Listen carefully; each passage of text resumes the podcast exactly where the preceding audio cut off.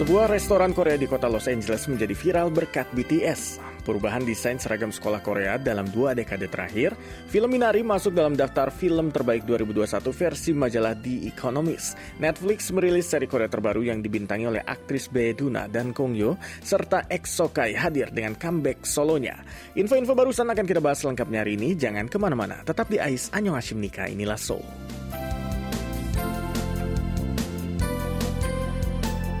Annyeonghaseyo sahabat pendengar setia KBS World Radio. Kita jumpa lagi dengan info dan kabar terbaru dari Korea bersama saya Alvin Kobulsia di program AIS edisi hari Kamis. Kita sudah memasuki hari kedua nih di bulan Desember pendengar dan suhu di kota Seoul semakin hari semakin dingin, sudah minus ya sekarang. Apalagi ditambah angin yang bertiup kencang. Wah, kalau cuaca seperti ini sih asiknya menghangatkan diri saja ya di rumah di dalam selimut yang tebal. Tapi seperti pepatah mengatakan, the show must go on. Jadi AIS harus tetap dong siaran ya. Dan lumayan juga sih pendengar, ketiup angin dingin bikin mata jadi lebih melek dan lebih semangat siarannya. Jadi kalau gitu kita mulai saja ya dengan ulasan info pertama kita hari ini. Dan seperti yang sudah kita tahu pendengar, kepopuleran BTS di Amerika itu tidak hanya sekedar meningkatkan minat warga Amerika akan K-pop, tapi juga meningkatkan minat akan segala macam yang berhubungan dengan Korea, apalagi kalau ada kaitannya dengan BTS. Ada nih misalnya yang tertarik belajar bahasa Korea karena BTS, lalu ada juga yang ingin berkunjung ke Korea karena BTS, ada juga yang tertarik sama hanbok karena BTS, dan ada juga nih yang jadi suka makanan Korea karena BTS.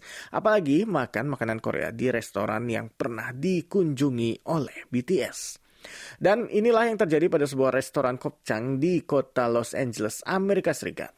Jadi kopcang itu adalah hidangan usus sapi atau babi bakar ala Korea yang biasanya jadi cemilan pendamping saat minum soju.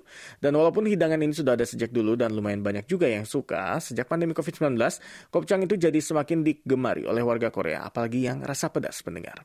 Katanya ini bisa ngilangin stres, dan kalau lihat warga Korea lagi makan kopcang, kayaknya nikmat banget. Dan memang enak banget ya pendengar ya, saya suka sekali, apalagi bagian ususnya karena serasa di Indonesia. Nggak heran ya kalau para member BTS pun doyan dengan kopcang. Dan saat BTS berkunjung ke kota Los Angeles di tahun 2017 lalu, dalam sebuah wawancara mereka ditanyai kesan mereka tentang Los Angeles. Dan juga makanan apa yang mereka ingin coba selama di LA. Dan BTS menyebutkan restoran Kopchang ini adalah restoran nomor satu di LA. Dan sejak saat itulah restoran ini pun dibanjiri oleh para ARMY dan semakin ramai lagi menjelang konser mereka yang diadakan akhir bulan November lalu. Jadi boleh dibilang restoran ini jadi base campnya para ARMY di LA. Nah, karena kopcang dikenal sebagai makanan pendamping soju nih, biasanya restoran kopcang baru buka sore menjelang malam hari pendengar. Sama juga dengan restoran ini yang baru buka dari jam 4 sore. Dan biasanya para pegawai datang jam 12 siang untuk mulai bersih-bersih dan siap-siap buka toko. Tapi ini katanya di minggu BTS mengadakan konser dari jam 1 siang itu, sudah ada yang mulai mengantre dan 30 menit menjelang toko dibuka, antreannya sudah sangat panjang sekali. Dan yang membuat para pemilik restoran ini terkaget-kaget selain membeludaknya pelanggan adalah rasio pelanggan antara warga Korea dengan warga lainnya. Kalau di kita nih ya, di Korea dan Indonesia atau mungkin di negara Asia lainnya itu kan sudah terbiasa ya makan usus, jeroan, dan lain-lain. Tapi hidangan seperti ini jarang sekali pendengar bisa dijumpai di Amerika Serikat dan menurut pegawai restoran Kopchang, kalau di hari-hari biasa rasionya itu sekitar 7 banding 3 antara warga Korea dan warga non-Korea. Tapi di minggu BTS datang rasionya jadi terbalik. Jadi 3 warga Korea dan 7 warga asing yang sudah pasti sebagian besar adalah para army.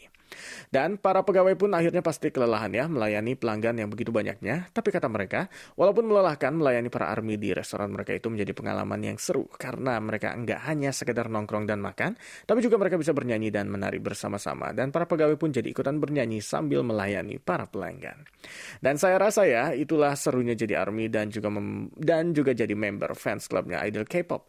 Kita jadi merasa seperti berada dalam satu komunitas atau bahkan keluarga besar. Dan gak peduli dari negara mana kita berasal berasal, kita bisa saling terhubung alias terkoneksi melalui musik dan cinta kita pada para idol. Saya jadi membayangkan nih para army dari berbagai belahan dunia datang ke restoran itu dan mungkin mereka nggak kenal satu sama lain ya, tapi bisa bernyanyi bersama sama lagu BTS dan saling kenalan. Dan mungkin buat para army itu akan menjadi kenangan yang tidak akan terlupakan ya, selain tentunya nonton konser BTS secara langsung tentunya.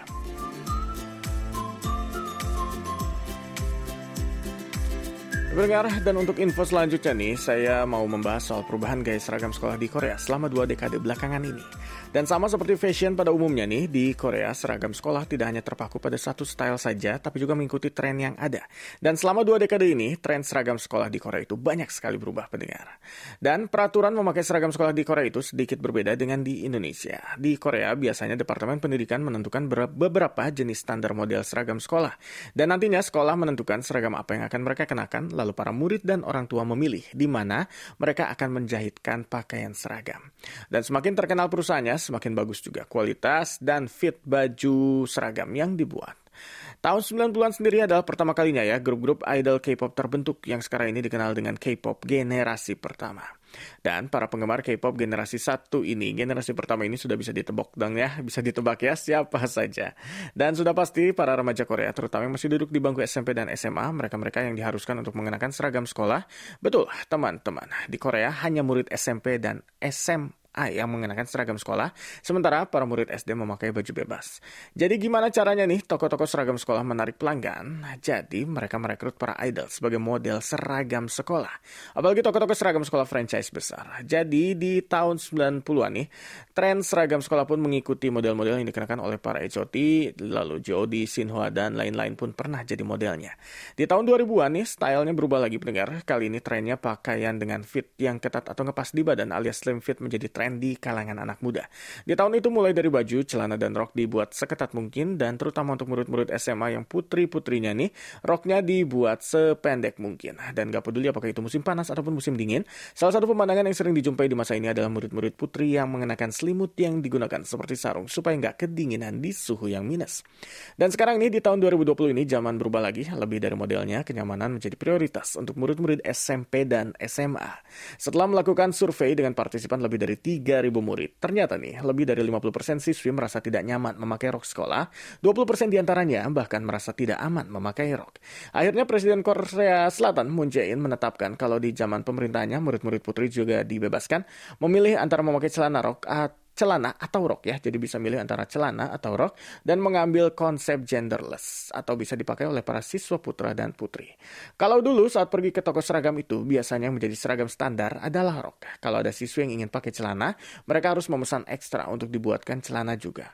Tapi sekarang mereka sudah bisa memilih sejak awal antara ingin pakai celana atau rok. Dan selain itu berbeda dengan seragam sebelumnya yang ketat, seragam zaman sekarang juga lebih longgar dan nyaman dipakai pendengar. Gayanya pun bermacam-macam sampai disediakan jaket hoodie juga juga loh yang disukai oleh para remaja. Dan selain itu, kalau dulu para murid dan orang tua bebas memilih tempat jahit seragam mana saja untuk membuatkan seragam sekolah mereka, kini mereka hanya bisa memilih sesuai yang ditentukan oleh sekolah.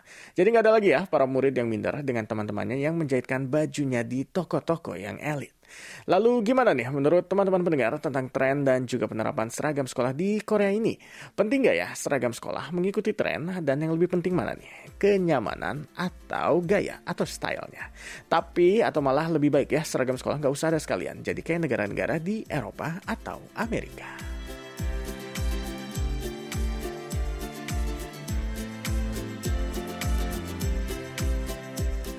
Kabar selanjutnya datang dari dunia perfilman. Baru-baru ini, film Minari masuk dalam daftar film terbaik tahun 2021 versi majalah The Economist. Jadi, kirain kita udah selesai ya membahas tentang Minari, tapi ternyata walaupun sudah mencapai akhir tahun pun film ini masih sangat relevan. Dan sekedar refreshing nih, sapi saya kira ya kita semua masih ingat, Minari adalah film garapan sutradara Korea Amerika Jung Isak Lee yang mengisahkan tentang pasangan imigran dengan dua anak dari Korea Selatan yang pindah ke Amerika untuk mencari kehidupan yang lebih baik. Jadi mereka ceritanya membeli tanah luas di daerah Arkansas dengan harapan dapat mengolahnya menjadi ladang. Namun ternyata tanah yang mereka beli itu gersang, pendengar, dan sulit ditumbuhi tanaman, dan satu-satunya tanaman yang dapat tumbuh adalah minari, alias tanaman yang dibawa oleh sang ibu mertua saat berkunjung dari Korea. Di awal tahun, film ini meraih banyak sekali nominasi dan memenangkan penghargaan di berbagai ajang festival film. Dan yang paling mendapatkan perhatian di Korea adalah film ini berhasil menyabet penghargaan Oscar lewat akting aktris veteran Korea yaitu Yoon Yo Jung sebagai aktris pendukung terbaik di awal tahun ini. Dan Yoon Yo Jung adalah aktor ke berkebangsaan Korea pertama yang berhasil mendapatkan piala bergengsi ini.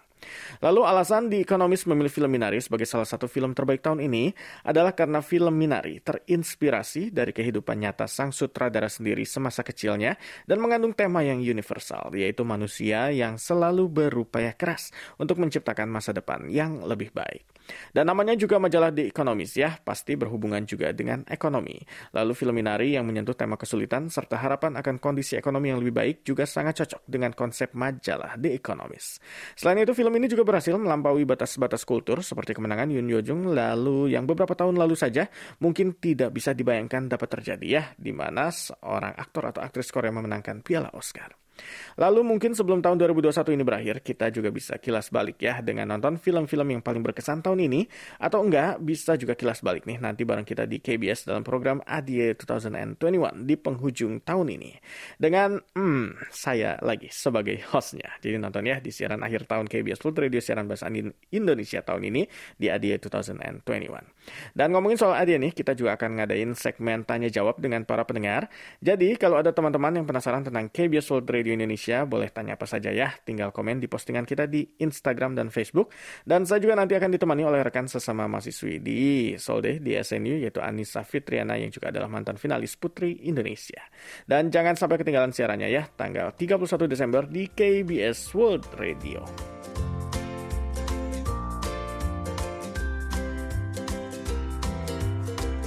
Dan setelah Squid Game dan Hellbound, ada satu seri lagi nih keluaran Netflix yang menuai antusiasme cukup besar nih teman-teman, yaitu seri The Silent Sea, seri fiksi ilmiah yang dibintangi oleh aktris dan aktor Hallyu terkenal Korea, yaitu Bae Tuna dan Kong Yu. Jadi The Silence ini menceritakan tentang kru pesawat luar angkasa yang dikirimkan dalam misi 24 jam ke bulan untuk mengambil sebuah sampel dari fasilitas riset terbengkalai yang katanya sangat rahasia. Petualangan mereka akan dikemas dalam 8 episode yang akan dirilis pada tanggal 24 Desember mendatang, itu hari ulang tahun saya, dan di malam Natal ya pendengar ya, bertepatan dengan dimulainya liburan akhir tahun. Dan kalau dilihat dari bintang-bintangnya sih sudah dipastikan ya, begitu dirilis, seri ini bakalan menjadi hits di Korea. Soalnya yang main itu adalah Bae Tuna dan juga Gong Yoo. Beduna sendiri sudah dikenal banget oleh dunia perfilman internasional lewat perannya di film Hollywood seperti Cloud Atlas dan salah satu seri dari OG Netflix yaitu Sense8 yang dua-duanya adalah garapan sutradara The Matrix kakak beradik uh, Wachowski atau Wachowski Brother ya. Sedangkan Gong Yu ya siapa yang nggak kenal dengan Gong Yu ya? Ada The Guardian, lalu The Train to Busan dan terakhir Squid Game. Masih ingat kan ya? Dan kalau yang menggarap Netflix kita pasti sudah bisa mengira-ngira ya seperti apa kualitasnya. Tapi yang membuat seri ini membuat kita antusias adalah genre-nya. Karena Korea jarang sekali memproduksi film ataupun seri bergenre fiksi ilmiah, terutama yang berlatar luar angkasa karena selain budgetnya yang besar, genre sci-fi itu membutuhkan teknologi yang canggih untuk membuat berbagai efek agar luar angkasa tampak lebih nyata dan itu susah sekali dicapai. Makanya selama ini genre ini didominasi oleh studio-studio besar Hollywood yang punya budget besar serta teknologi yang canggih. Dan setelah film Victory, mudah-mudahan nih seri The Silent Sea bisa membuka pintu yang lebih lebar lagi untuk genre sci-fi untuk film dan drama Korea. Adapun The Silent Sea, lagi-lagi saya ingatkan, dibintangi oleh Bae Tuna dan Gong Yoo akan dirilis di Netflix tanggal 24 Desember. Jadi pendengar, jangan sampai ketinggalan.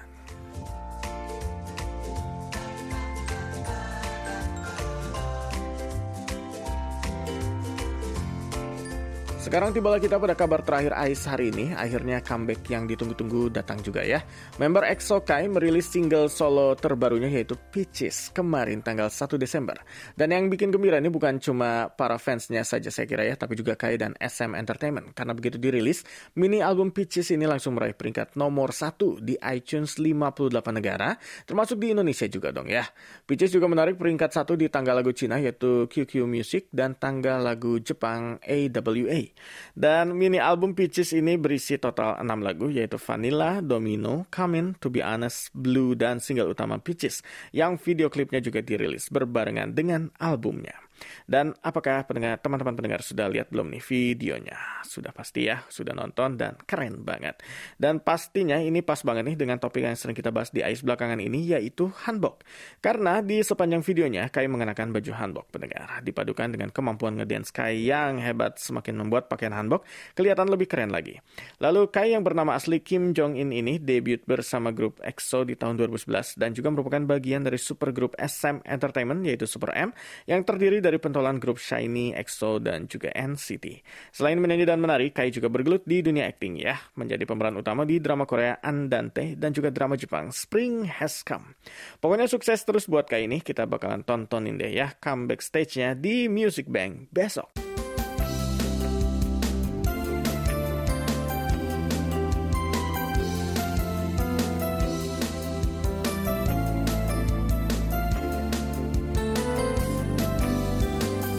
Ya teman-teman, sudah tiba saatnya saya pamit. Biarpun saya nggak bisa melihat dan mendengarkan teman-teman di rumah, tapi saya tetap senang ya ditemani oleh pendengar setia KBS. Mudah-mudahan infonya bermanfaat dan menghibur ya. Kita jumpa lagi besok di program Jumat Ceria. Dan jangan lupa juga dengerin siaran K-pop banget spesial weekend ini. JB dan saya akan membawakan acara spesial pengumuman pemenang K-pop cover festival. Pokoknya jangan sampai ketinggalan ya. Dan lagi-lagi terima kasih atas kebersamaannya. Saya Alvin Koblusya undur diri. Sampai ketemu lagi. Neldo Hamkeheyo.